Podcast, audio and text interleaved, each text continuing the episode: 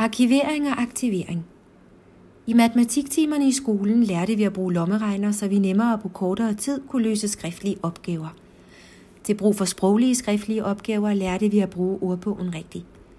Lommeregner og ordbog er begge virkelig gode redskaber til det skriftlige univers, men når det kommer til det mundtlige univers, det daglige, udadvendte og spontane liv, må vi altså kunne lidt hovedregning og lidt grammatik – Selvom der er både lommeregner og ordbøger på alle mobiler i dag, kan vi jo ikke sætte livet på pause for at slå op. Det synes jeg er vigtigt at tænke over som voksen, der er i gang med at tilegne sig et nyt sprog. Fint nok at sidde derhjemme i hulen og nørde med ordbogen, men der er en grund til, at vi praktiserer og repeterer, nemlig for at alt det i bøgerne skal arkiveres i hjernen, og sproget aktiveres spontant. Vi må installere og arkivere, før vi kan aktivere. Og i takt med, at der arkiveres, jo større evne opnås der til at formulere sig ud af og rundt omkring sorte pletter af endnu ikke installeret materiale.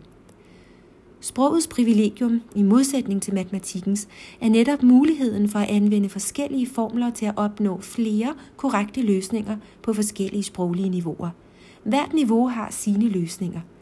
Så kan du fifle med de avancerede, nuancerede formuleringer med ordbog derhjemme eller til undervisningen – men da der ikke kun er et facit, er det faktisk decideret forkert at slå sig selv i hovedet over en forsimplet løsning, hvis den vel at mærke er grammatisk korrekt. Og hvis du tænker matematisk og godt kan lide at sætte to streger under, så glæd dig over, at du kan sætte to streger under mange sproglige resultater.